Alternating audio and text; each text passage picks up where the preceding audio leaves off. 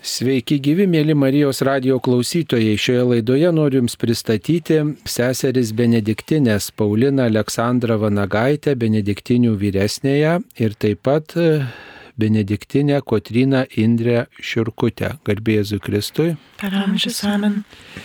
Šiandien yra proga kalbėti su Jumis, mėlos seserys, nes Birželio mėno yra toks ypatingas Lietuvoje, nes ne tik tai pagerbėme švenčiausią Jėzaus širdį, bet taip pat Birželio vidury, Birželio 14-ąją prisimename ir pagerbėme palaimintai Teofilių Matulionį, kuris mirė 1962 metais rūpiučio 20 dieną. Bet minimas Birželio 14 dieną, gedulo ir vilties dieną, kai prisimenami tremtiniai, ištremti įvairių laikų, įvairias vietas. Palaimintasis Teofilius taip pat daugybę kartų buvo niekinamas, buvo ištremtas, kalėjo lageriuose, kalėjimuose, tai jam toji diena tikrai pelnytai priskirta jam minėti. O šiais metais, birželio mėno, dar ypatingas ir tuo, kad birželio 22 dieną minime tokią apvalę sukakti 150 metų nuo palaimintojo Teofiliaus Matulionio gimimo dienos, nes palaimintasis Teofilius gimė 1873 metais birželio 22 dieną. Taigi tiek trumpai galbūt iš jo gyvenimo, jis, kaip žinome, palaimintuoju buvo paskelbtas 2017 metais birželio 25 dieną Vilniuje, buvo didelės iškilmės ir jo relikvijos gerbiamos iškilmingame sarkofage Kaišėdorių Kristaus atsimainimo katedros koplyčioje. Kiekvieną sekmadienio vakarą ten aukojamos šventosios mišios ir kurias transliuoja Marijos radijas yra proga įvairias temas susijęti su palaimintojo Teofiliaus Matulionio gyvenimu ir jo žodžiais, jo darbais. Taigi jūsų vienuolynas taip pat yra susijęs su palaimintuoju Teofiliu Matulioniu. E, jums turbūt jau čia gal ir įgrėsia šis klausimas, bet e, turbūt mums klausytojams gali būti ir primiršta šita tema, kad palaimintasis Teofilius Matuljonis ne tik tai gyveno Kaune savo vienu gyvenimo laikotarpiu nuo berots 33 metų iki 46 metų su pertraukomis turbūt. Ir ne tik tai Kaune gyveno, bet ir patarnavo seserims benediktinėms, gyvendamas prie Švento Mikalojaus bažnyčios, buvo vienuolino kapelionas. Tai gal šiek tiek daugiau papasakokit, kaip taip nutiko, kad jis, būdamas vyskupu, o turėjo būti vienuolių kapelionu. Turbūt reiktų sakyti, tai buvo didelė Dievo malonė. O kaip nutiko, kad vyskupas Teofilius tapo benediktinių kapelionų Kaune, mes nežinom, ką turėjo tuo metu mintyje tuo metinis Kauno arkivyskupas, bet turbūt jam uh, irgi Dievo valia pasirodė, kad e, jo pagalba būtų vat, e, vyskupas, kuris grįžęs iš tremties, iš kalėjimų, patyręs įvairių negandų, kažkur turėtų vietą, kur apsistoti, kur gyventi, turėtų vietą dvasinį gyvenimą atgaivinti, turėtų vietą ir tarnystę vykdyti. Tai jam buvo daugiau pareigų, ne tik e, benediktinių bažnyčios rektorium ir vienuolino kapelionu jisai tapo. Jis pagelbėjo ir arkivyskupui Jozapui Skvireckui tuo metu viskupijos įvairiuose reikaluose ir parapijas vizitavo. Ir taip pat Lietuvos kariuomenėje buvo irgi vyriausių kapelionų, kaip dabar sakytume tai tų užsiemimų jisai turėjo tikrai ne vieną. O ta vieta apsistoti čia e, tik tais ga, galiu prisiminti vieną iš tų pasakojimų, kurie išlikę ruošiant Teofiliaus Matulionio bylą iš mūsų tuo metu buvusios vyresniosios sesers Agnietės Čižaitės, kai jinai sakė, liudijo, kad tiesiog ir seserys labai nustebo ir tokiu džiaugsmu nustebo, kad kaip tai gali būti, kad mūsų kapelionas bus vyskupas. Tokia didelė ir, ir džiaugsmas, ir nuostaba, kad vat, Dievas jas seseris vat, laimina tokią malonę. Taip, tai jis tą kapeliono tarnystę ėjo septynerius metus čia Kaune, nes jis buvo pašventintas Peterburgė kaip vyskupo Antano Maleckio pagalbininkas, tačiau buvo suimtas, valdžia neleido eiti jam tų pareigų ir uh, ištremtas dešimčiai metų į Solovkų salas ir keičiantis kaliniais Lietuvai ir Sovietų sąjungai kartu su kitais kunigais gražintas į Lietuvą kaip lietuvių tautybės kunigas kartu su kitais kunigais. Ir tada Lietuvoje mm, jau pasklido žinia, kad jis vyskupas, nes iki tol buvo viskas tai laikytas slaptoje. Ir grįžęs į Lietuvą kaip lietuvis, jisai čia va, laukė švento tėvo popiežiaus sprendimo, bet laukdamas jis lankėsi ir Romoje, ir taip pat lietuvių parapijose Junktinėse Amerikos valstijose, taip pat Šventojoje Žemėje.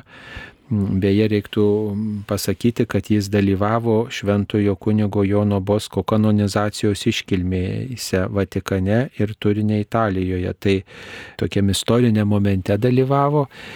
Ir grįžęs į Lietuvą dar laukė vis to popiežiaus sprendimo, kokią misiją jis turės tęsti, bet kartu sutarę su arkivyskupu e, Jonu Skviriacku tapo benediktinių kapelionų, o mirus Kaišėdorių vyskupų Juozapui Kuktai 1942 metais jis buvo paskirtas Kaišėdorių vyskupu ir Kaišėdoris tapo jo, jo vyskupija, ta bendruomenė, kurią jisai patarnavo irgi iki galo negalėjo atlikti šios tarnystės, buvo sovietų valdžios trukdomas.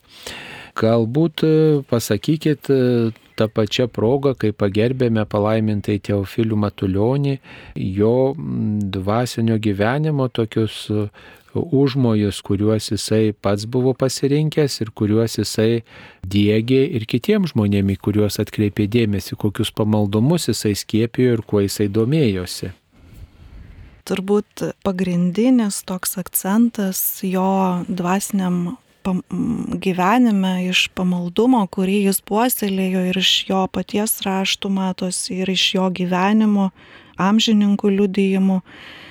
Tai turbūt toks, sakyčiau, svarbiausias akcentas tai pagarba, pamaldumas Jėzui į viešpaties širdžiai, švenčiausiai Jėzaus širdžiai ir Euharistijai.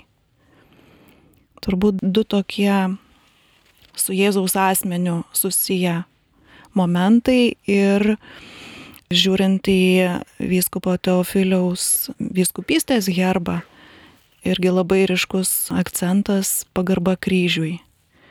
Tai gal tokie vat, būtų iš viso tokie trys ženklai pamaldumas viešpaties širdžiai, eucharistinės pamaldumas ir ypatingas pagarba viešpaties kančiai, viešpaties kryžiui. Ir visi šitie dalykai yra labai tampriai susiję vienas su kitu, persipinę, sakyčiau, nes viskas yra apie vieną Jėzaus viešpaties Jėzaus asmenį. Ir galbūt tas jo pamaldumas tikrai ateinantis iš jo mažų dienų, iš jo vaikystės, jo paties liudijimu, jo mamytė savo mažuosius pavedusi viešpaties Jėzaus švenčiausiai širdžiai, kadangi anksti mirė vaikai liko be mamos našlaičiais, tai ta Jėzaus širdies globa vat, jam nuo mažų dienų buvo labai svarbi. Ir, ir iš to susijęs ir pamaldumas Eucharistiniam Jėzui ir viešpaties kančios pagerbimas. Taip, tai jis ne tik tai pagerbė viešpaties kančią, bet ir benediktinių bažnyčioje įdėgė tuo metu tokius galbūt ir neįprastus pamaldumus, kurie atgimė ir vat, nepriklausomai Lietuvoje po sovietmečio ir toliau tęsiami tie pamaldumai, tai gal šiek tiek apie tai papasakokite. Jisai kai 36 tapo e, mūsų kapelionu. 38 tokią mintį jisai jau paskleidė viešai, gal per, per porą metų gal ją išgvildeno. Yra mintis, kad galbūt šventoje žemėje būtent matė tą amžiną švenčiausio sakramento adoraciją ir turėjo vat, tą troškimą. Ir būtent Lietuvos 550 metų krikšto jubiliejus ir 20 metų nepriklausomybės sukaktis.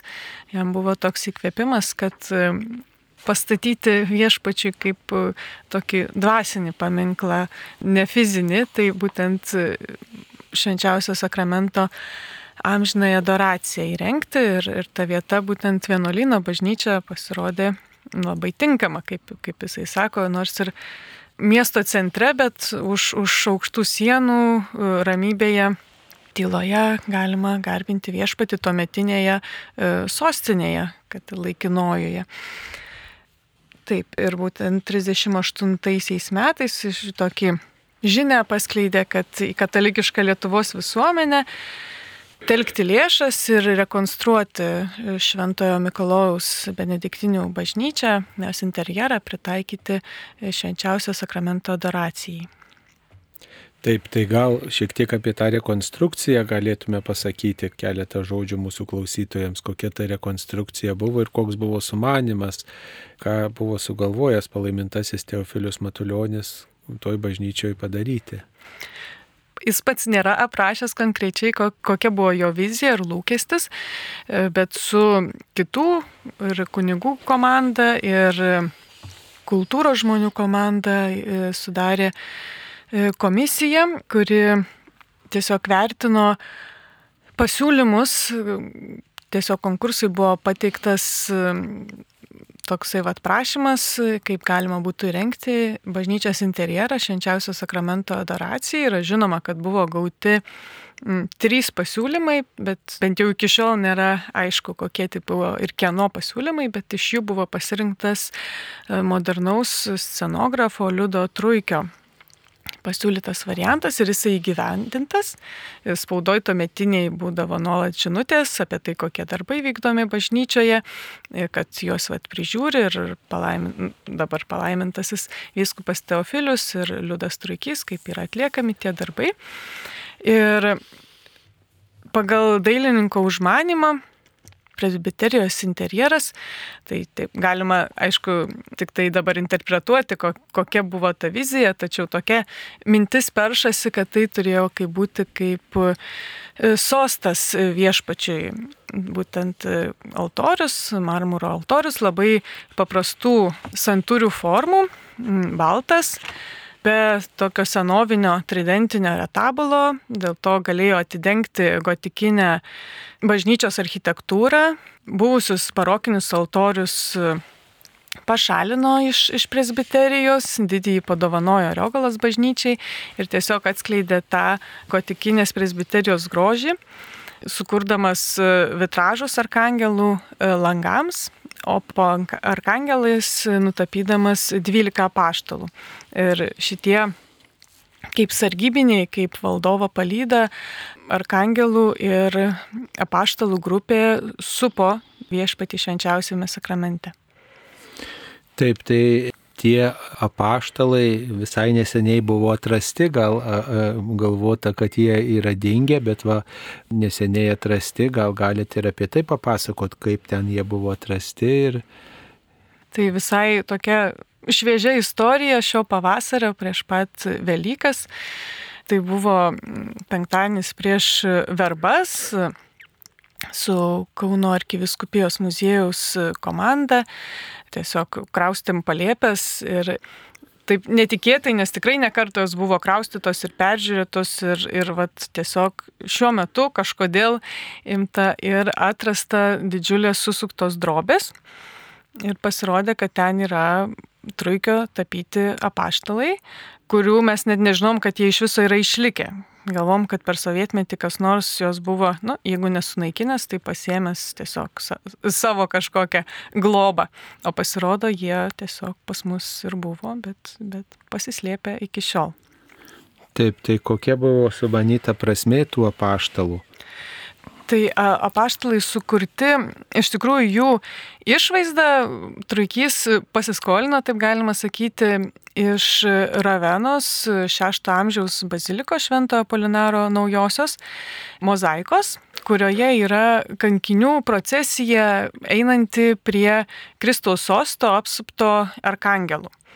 Ir tiesiog tie apaštalai būtent ir nutapyti visą kompoziciją ir schemą pagal, pagal tuos bizantinius kankinius.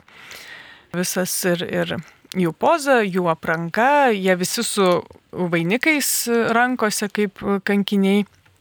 Tačiau iš 43 metų inventoriaus žinome, kad tai yra paštalai, taip konkrečiai įvardinta, jų yra 12 ir jie tiesiog štai vitražai su arkangelais yra šiek tiek aukščiau, čia kaip bizantinė irgi logika, tokiais registrais puošt bažnyčias dvasinės būtybės aukščiau, žemiau apaštalai kaip kūniškos būtybės, o dar žemiau, ypač kaip pas mus bažnyčia tokia laiptuota, irgi yra visa tauta, liaudis, žmonės, kurie garbina viešpatį.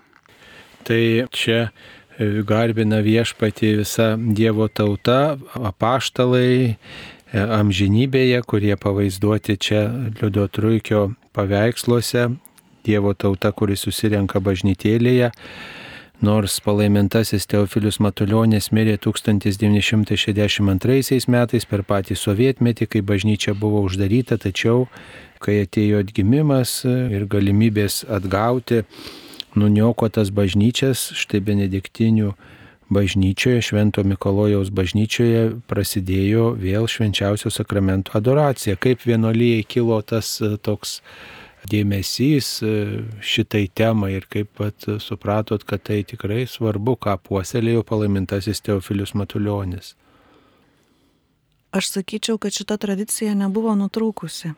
Mhm netgi sovietmečių, bent jau iš seserų, kurios dar gyveno atgimimo metu, iš jų pačių liudijimų tikrai iš ne vienos esu girdėjusi pasakojimus, kaip seserys tarp savęs pasiskirstydavo laiką maldai adoracijai, netgi privačiai gyvenant savo kažkokiuose mažuose nameliuose, buteliuose ar kambarėliuose, susitardavo tarpusavį laiką, kuriuo metu net realiai nebūdamos bažnyčiai ar koplyčiai vis tiek garbins Jėzų švenčiausiame sakramente pasilikusi kažkurioj bažnyčioje ar kažkurioj koplyčiai.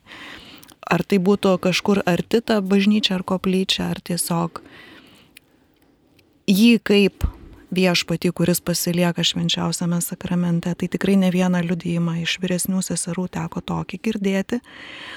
Tai šita tradicija ir išliko ji ir persidavė. Tai pirma mintis, kuri buvo atgavus bažnyčią ir ją ruošiant, kiek įmanoma remontuojant tais atgimimo laikais per visas blokadas ir panašiai, per tuos sunkumus Tai pirma mintis buvo kuo greičiau paruošti ją, kad būtų galima joje melstis ir būtent tęsti tą adoraciją, kurią suorganizavo ir pradėjo prieš karą. Nes prieš karį praktiškai adoracija prasidėjo jau karo metu. 1940 Liepos 19 netgi radau datą, kada tiksliai, nežinau su kuo ta data tiksliai susijusi, bet vat, tais metais pradėta adoracija ir ji truko tikrai neilgai. Ir užmanimas buvo, aišku, žinoja adoracija, vyk, kuri galėtų vykti dieną naktį, bet kadangi vyko karas, jį vyko tik dienos metu, o uždarius bažnyčią jį nutrūko kaip viešas pamaldumas, tačiau seserys tęsė, kas kaip galėjo ir sugebėjo. Todėl po bažnyčios atgavimo ir atšventinimo pačios pirmos mintys ir buvo gražinti, gražinti šitą pamaldumą į, į mūsų bažnyčią. Ir pirmaisiais metais, kadangi bažnyčia atšventinta 1992 kovo 22, čia buvo e, ketvirtasis gavienės sekmadienis tais metais, Tai sekantis savaitgalis jau buvo kupinas adoracijos. Ateinančios Velykų šventės taip pat buvo e, persmelktos e, adoracija, kadangi pirmosios Velykos ir tas būdėjimas prie išstatyto švenčiausiojo, prie įrengto viešpaties kapo, e, su monstrancija seserims buvo turbūt vyresniosioms, kurios tuo metu dar prisiminė savo jaunystę ir gyvenimą vienuolynę prieš karą, turbūt buvo pati didžiausia patirtis, kad vėl gali daryti tai, ką jos buvo įpratę daryti, ką jos rado atėjusios į vienuolyną prieš jo uždarimą. Tai iš pradžių švenčiausio sakramento adoracija vyko tris dienas per savaitę, paskui ji, vat, kas keli metai vis prisidėdavo po vieną dieną ir taip e, adoracija dabar vyksta beveik ištisą savaitę, išskyrus pirmadienius nuo ryto iki vakaro, žiūrint į mūsų pačių susiorganizavimą. Ir kokie žmonės ateina pabudėti, ar čia seserys vienuolės užtikrina tą būdėjimą prie švenčiausio sakramento, ar ir pasauliečiai įtraukti? Švenčiausio sakramento adoracija gali įsijungti kiekvienas, kas nori, kad kažkas būtų bažnyčioje ir viešpats būtų tikrai gerbiamas užtikrina seserys. Tačiau kiekvienas, kas nori, kas gali, kam yra svarbus šitas pamaldumas, gali ateiti ir būti ir melstis bet kuriuo dienos metu tarp 9 ryto ir vakarinių šventųjų mišių tame laike. Dar oblatai įsipareigoja per savaitę valandas. Sekmadieniais jie. Ja, mūsų... Taip, o jau, jau štai kiek metų vyksta švenčiausio sakramento adoracija, va tas buvimas Dievo akivaizdoje, ar neteina žmonėms tokia rutina ir jums pačioms seserims ir kitiems žmonėms, kurie tarsi pripranta prie tokio pamaldumo būdo? Priprasti turbūt galima, bet turbūt galima neleisti savo priprasti, nes adoracija nėra kaip toks dalykas, kuris atliekamas techniškai. Taip, bet vis tiek. Tu ateini į asmens akivaizdą nu, tą reikia išpažinti, tą reikia prisiminti, tą reikia kažkaip apriepti tą tiesą, kažkaip ją pasirinkti, nes, žinot, žmonės ateina va, čia kaip įprastai viskas, nu, vyksta ir, ir, ir kartais gal su savo mintim, savais rūpeščiais, kito tikėjimas netoks tvirtas, jie čia pamiršta tą asmenį pagarbinti, nepaslaptis, kad daug žmonių tokio yra tokiu tikėjimu tik per šventes pasirenkamo. Kitu laiku tai ne visada užsuka bažnyčion, tai jiems gali ir nuobodu kartais va būti švenčiausio sakramento akivaizdoje. Nežinau, kaip paaiškinti tuos, kuriems, kaip pasakyti, žmonės, kurie ateina tiesiog pro šalį užeidami. Įvairių žmonių ateina, ateina turistai, ateina ateina maldininkai, ateina tiesiog žmonės pabūti, e, tyloj pa, praleisti keletą akimirkų ar, ar pusvalandį. Tiesiog kiekvienas pagal savo poreikį.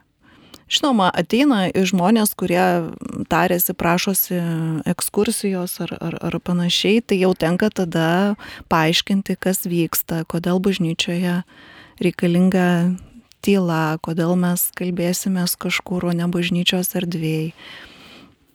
Tiesiog tai yra, tai yra galimybė žmonėms parodyti, supažindinti štai su tokiu pamaldumu, kuris egzistuoja mūsų bažnyčioje. Bet toks paradoksas štai mm, Teofiliaus Matulionio mm, bažnyčioje, kurioje jisai dirbo daugiau kaip septynerius metus, yra tylos adoracija. O štai jūsų bažnyčia stovi prie vienos judriausių Kauno gatvių. Tai kaip tą nuolatinį šurmulį suderinti ir tą tylą, į kurią kviečiami žmonės švenčiausio sakramento adoracijoje. Miesto centre gyvenant, to šurmulio turbūt niekur neišvengsi. Taip, bažnyčioje girdisi, girdisi gatvės užėsys. Galbūt vienas iš tokių iššūkių yra, jeigu vyksta kur nors netoli remonto darbai, bet kažkaip bandai įpinti tuos dalykus irgi į maldą, atnešti prie viešpaties kojų. Dar toks momentas būna čia, galbūt, kai Marijos radijas transliuoja valandų liturgiją iš mūsų bažnyčios, irgi būna tokių momentų, kai pravažiuoja tarnybinės mašinos jungtais garso signalais, ar policija, ar gaisrinė, ar greitoji.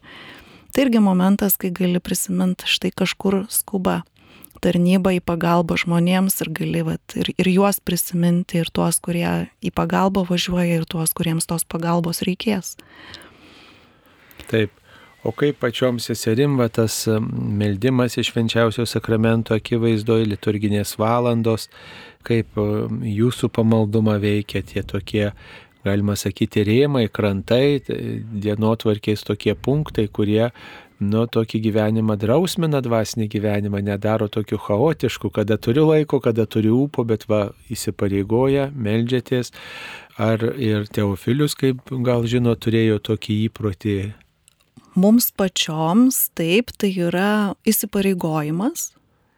Iš vienos pusės, iš kitos pusės tai yra dalyvavimas bažnyčios gyvenime kaip tokiame, toj bažnyčios tarnystėje, ypatingai kai valandų liturgijos metu Tai yra viena iš bažnyčios, kaip visuotinės bažnyčios tarnystė šlovinimą, Dievo šlovinimas, pašventinant dieną būtent valandų liturgiją.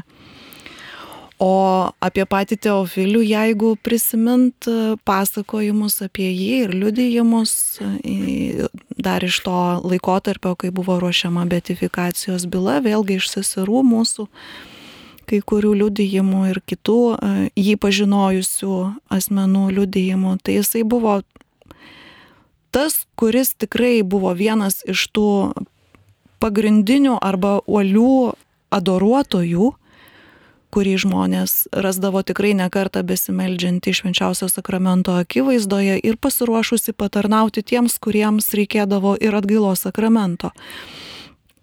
Tai čia vienas iš tokių liudijimų.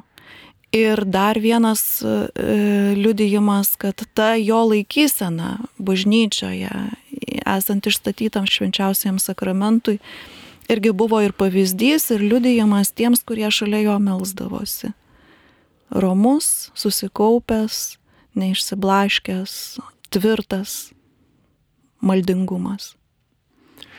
Na, o kaip dabar pasikeitė tas maltingumas nuo palaimintojo Teofiliaus Matulionio laikų? Ar vis dar žmonės yra adoracijos metu tokie susikaupę Romus, ar, ar jiems lengva tą daryti? E, ar, ar žmonės yra susikaupę, mm, tai čia sunku pasakyti, reikia jų paklausti. Bet kaip bet... Iš, nu, iš šalies atrodo, žinot, būna ateina, kad ir matosi nuobodžiauja, jisai sėdi, gal čia apžiūrinėja, jis čia varto telefoną, jis čia e, dar kažko užsima, tiesiog jam sunku būti, tiesiog būti. Tyloje. Jeigu žmonės jau ateina iki to taško, kad ateina daruoti, tai dažniausiai jau būna ganėtinai pamaldus. Tai tas, tas, nežinau, bent jau man taip atrodo, kaip matau. Gal kartais atrodo net pačiai trūksta to tokio pamaldumo, su kokia meilė jie ateina ir žiūri. Išvenčiausiai ir kažkaip dar norėjau irgi pratesti Paulinos tą prisiminimą apie Teofilių. Tai toksai, kadangi mūsų bažnyčia irgi yra Teofiliaus relikvija, tai toks atrodo toks ir likęs, kaip iš tarpukario, va, tas besimeldžiantis e, Teofilius prieš švenčiausią sakramentą, tai jisai taip ir yra, va, ir, kaip, ir iš to prisiminimo, kad jis buvo kaip žmonėm liūdėjimas, kaip reikia melstis. Ir šiandieną jisai tą misiją ir tęsia. Mes, tiesą sakant, kiekvieno mėnesio pirmąjį pirmadienį vakarais darome tokią, tokią mm, kaip čia pasakyti, adoraciją būtent su palaimintoju Teofiliumi. Ir dar prieš betifikaciją pradėjom, kad tuo metu ir atidarom tą relikviją, kad būtų, kas, kas nori, gali prie jo pasimelsti. Bet pati mintis vis tiek tai yra adoruoti švenčiausiai ir prisiminti tas Teofiliaus intencijas, su kuriamis jis tą adoraciją įrengė, kad būtent kaip padėka už Lietuvos laisvę, kas mums turbūt ir šiandieną lygiai taip pat aktualu, ir kad nukreipiant vėlgi visas mintis į į Jėzų, jo švenčiausią širdį, į jo globą Lietuvai, prašant šventumo Lietuvai, tautai visai ir, ir garbinant jį. Taip jis ir toliau su mumis meldžiasi prie to švenčiausio sakramento. Taip, vienas iš tokių įspūdingiausių palaimintojo Teofiliaus Matulionio sakinių iš jo dvasinio palikimo yra, kai melžiuosi, nieko nebijau. Tai jam turbūt ta malda mhm. prie švenčiausio sakramento teikia tos drąsos, dvasinio tvirtumo, atlaikyti net įvairius nepatogumus, skriaudas, būnant lageriuose, kalėjimuose. Na ir jūsų bažnyčioje taip pat yra vienas m, toks kvietimas į maldą, vienas kvietimas į maldą užrašytas lotynų kalba. Gal apie tai galite pasakyti lietuviškai skamba, teikite pas mane visi ir aš jūs atgaivinsiu iš Mato Evangelijos 11 skyriaus Venite adme omnes et ego reficiam vos tas sakinys buvo numatytas palaimintojo Teofiliaus, ar čia vėlesniais laikais tiesiog kartu su kapelionu jis buvo užrašytas benediktiniu ar kaip kitaip. Čia greičiausiai Teofiliaus yra toks liūdimas, kad jisai apie tas eilutės yra mąstęs, pamokslas sakęs ir, ir iš tų laikų čia greičiausiai išlikę. Dar nes, nesenai visai kalbėjau su bibliotekininkė, kuri sovietmečių dirbo tiesiog mūsų bažnyčiai, kuri tuo metu buvo saugykla bibliotekos. Ir, da, ir kaip tik jinai paminėjo, kad tos, vat, tos raidės buvo, tik tai vat, viena kita ten, nu, gan, ganėtinai gerai išlikęs altorius, tik tai trūko ten vienos kitos raidelės. Tai reiškia, tas užrašas buvo nuo pat, nuo pat jau Teofiliaus laiko.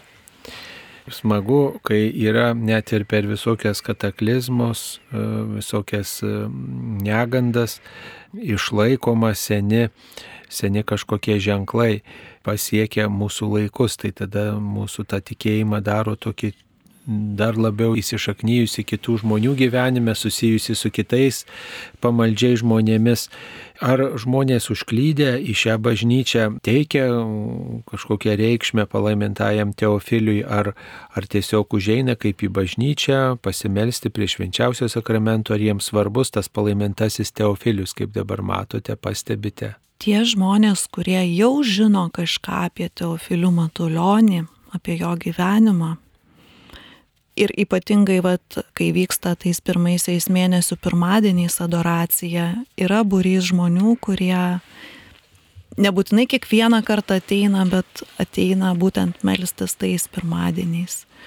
O dažniausiai visgi tai yra irgi būdas supažindinti kitus žmonės su Teofiliaus asmeniu, su jo gyvenimu, prisiminti tai, kad jisai buvo, vat, tarnavo šioje bažnyčioje ir ją šitaip įrengė. Ir dažniausiai tai dabar yra daugiau, sakyčiau, toksai tos žinios kleidimo laikas. Nes kaip tik šiemet yra penkeri metai, kai jo relikvija į mūsų bažnyčią atvyko. Ir turbūt taip pat penkeri metai, kai mes gatvėje turime tokį išorinį ženklą, vadinamą e, per Kauno miesto akcentų e, projektą, vadinamą tokią mažą skulptūrėlę, vadinasi pasivaikščiojimas palaimintojo batais.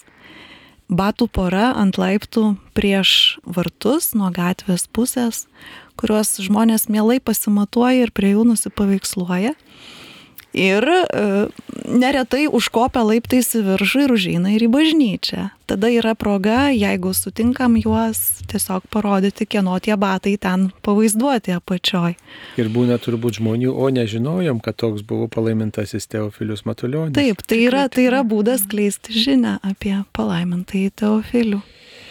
Na, va, palaimintasis Teofilius Matuljonis buvo gana kūrybingas žmogus, nes pakeliavęs po pasaulį tokių įvairių idėjų atsivežė ir į Lietuvą. Viena iš jų nuolatinė švenčiausio sakramento adoracija, bent jau visą dieną trunkanti jūsų bažnyčioje. O dar kalbant apie maldos gyvenimą, ar jūs nesusidurėt kartais ypatingai, kai vat, ilgai vat, melžiatės kažkokią intenciją tokią, Ar ta malda tokia atbukus, ar mano tikėjimas toks menkas, kad atrodo nepasiekiam tų viešpaties padangių, nepasiekiam atrodo viešpaties širdies, kad ir nuo širdžiai melžiamės, ten pavyzdžiui, ar už taiką pasaulį, ar ten kokiu kitų reikalų atrodo taip neįsipildo ir neįsipildo, ar nesusidurėt su tuo maldos bergždu godumu ir galbūt ir palaimintasis e, tuo, su tuo buvo kažkaip susidūręs, nes jam teko ir lageriuose būti ir turbūt meldėsi, kad į Lietuvą kuo greičiau pakliūtų ir vis metai po metų žiūrėk, va, reikėjo ilgai laukti, kad važiuotų,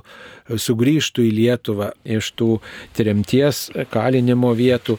E, tai turbūt jo gyvenime irgi buvo tos patirties, kad malda rodos, vad meldžiuosi ir jinai nesuveikia čia ir dabar to jau pat žiūrint į palaimintojo Teofiliaus gyvenimą, jo asmenį ir jo norus, gal sakyčiau, troškimą, nedrįščiau sakyti, kad jo malda nebuvo išgirsta, bet, kaip jis pats sakėte, būk Dievo valia, jis visada norėjo grįžti atgal į Rusiją. Jis visada norėjo suburti būrį misionierių, jeigu galim taip sakyti, kunigų ir ir pats kartu su jais vykti atgal į Rusiją, ten esantiems katalikams padėti gyventi tikėjimo gyvenimą. Tai čia, čia vienas, vienas iš tokių dalykų, kurie, kurie degė jo širdyje grįžus į Lietuvą. Bet e, jam teko grįžti į Rusiją, aišku, ne savo norų, bet e, paskutinio kalėjimo ir tremties būdu ne kaip ganytojui, kuris vyksta į parapiją ar į viskupiją, bet kaip nuteistam kaliniui. Tas vyko 1946 taip, metais, taip. kai jis buvo suimtas ir išvežtas į Vladimiro kalėjimą ir vėliau taip. į Mordoviją. Taip. Tai žiūrint į šitus įvykius, malda gali galbūt atrodyti bevaisė, gali galbūt atrodyti sausa, gali galbūt atrodyti neprasminga, bet ateina tam tikras laikas, kai Dievo plane įvyksta kažkokie dalykai, kurie, apie kuriuos tu gal prašydamas iš jo kažkokios malonės, net neįsivaizduoji, net negali numatyti. Gali įsivaizduoti pagal save, bet viešpats savo planą sutvarko taip, kad būtų mm, pasakyti malonė žmogui, nauda, dvasinė nauda. Galbūt iš išorės tai atrodys kaip visiška nesėkmė ar žlugimas, kaip ir palaimintojo Teofiliaus gyvenime. Jisai organizavo, rinko ir liturginius indus, ir liturginius drabužius ir žmonės kalbino ir, ir džiaugiasi, kai atsirado, kad kažkas sutinka, norėtų vykti. Ir iš seminaristų buvo, kiek teko skaityti apie šitą jo norą, ir iš seminaristų jau buvo kažką e, prisikalbinęs, kad kai pabaigs vat, mokslus ir taps kunigu, galėtų vykti kartu su juo į Rusiją. Ir jam buvo ta galimybė, bet vat, visai kitokiu būdu, visai tokiu skausmingu būdu. Tai ką galėtume atrasti štai dabar, kai kažkur visai netoli mūsų, galima sakyti, vyksta karas, kai patys jaučiamės nesaugiai, kai sausra Lietuvoje, kai dar visokių negandų yra, ką galėtume rasti šio palaimintojo žodžiuose, pavyzdį, gyvenime, kas būtų mums svarbu ir galėtume sakyti, o palaimintasis Teofilius Matuljonis, jis toks artimas mums, nors ir seniau gyvenęs, nors ir gal mažai apie jį žinom, bet va šita detalė tokia svarbi jam ir man, jis tada toks artimas, brangus, ką galėtumėte išryškinti iš jo istorijos ar iš jo žodžių.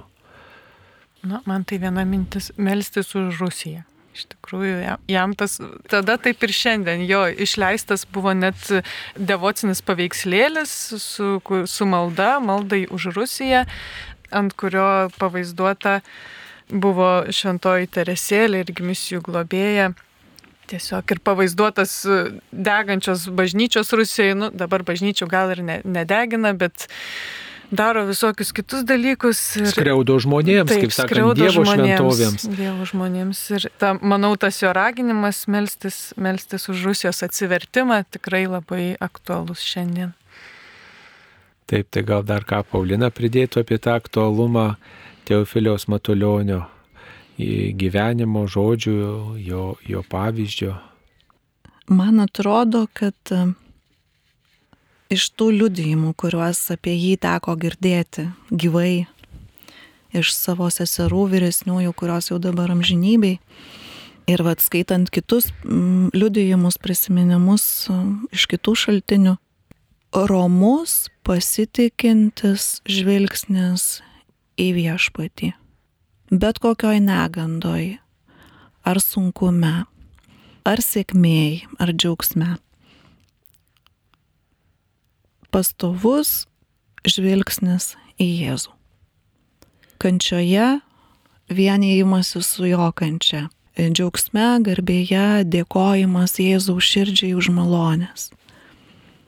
Ir ne tai, kad tik padėkojau, ačiū ir kaip viskas gerai ir gražu, bet ir kaip jo viena iš tų intencijų ir įrenginėjant bažnyčią ir steigiant adoraciją ir toliau melstį Dievo malonių ateityje.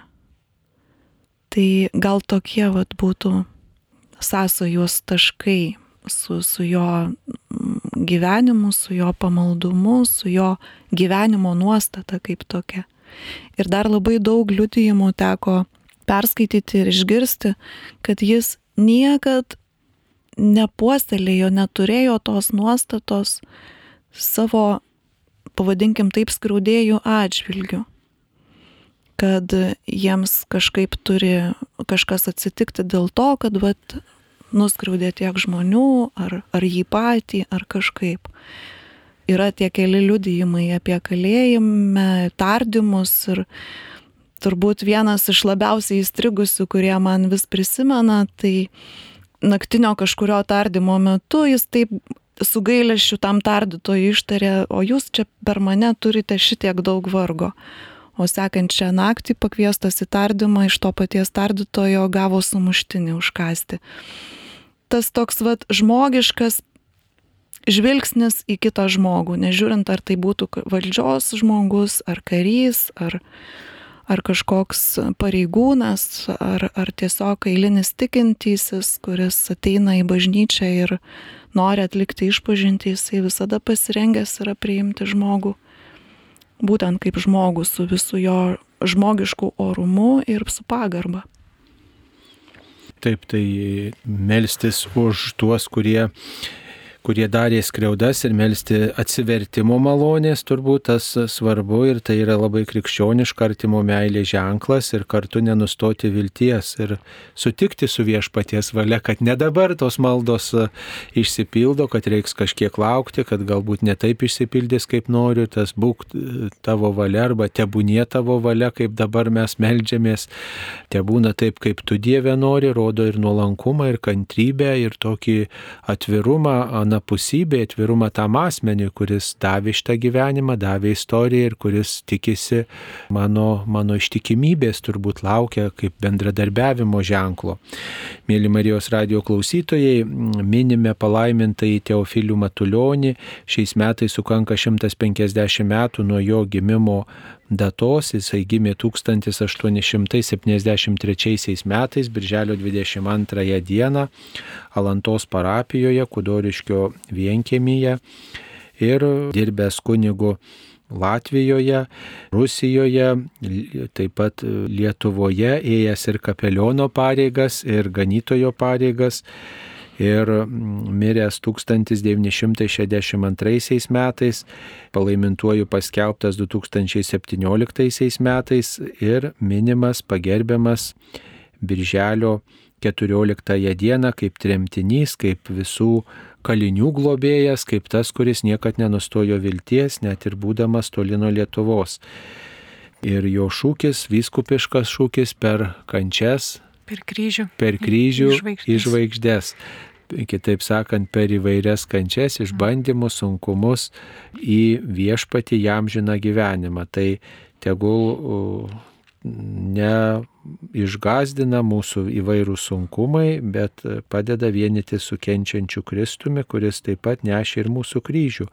Taigi dėkojam seserims benediktinėms, Paulinai Aleksandrai Vanagaitė ir Kotrinai Indrei Šurkutėjai iš Benediktinių vienuolyno Kaune, kurios seserys pasidalino mintimis apie palaimintai Teofilių Matulionį, nes būtent Benediktinių vienuolynė keletą metų palaimintasis Teofilius darbavosi kaip kapelionas ir įdėgė amžinąją nuolatinę adoraciją, kuri atgavus Lietuvai nepriklausomybę taip pat tęsiama.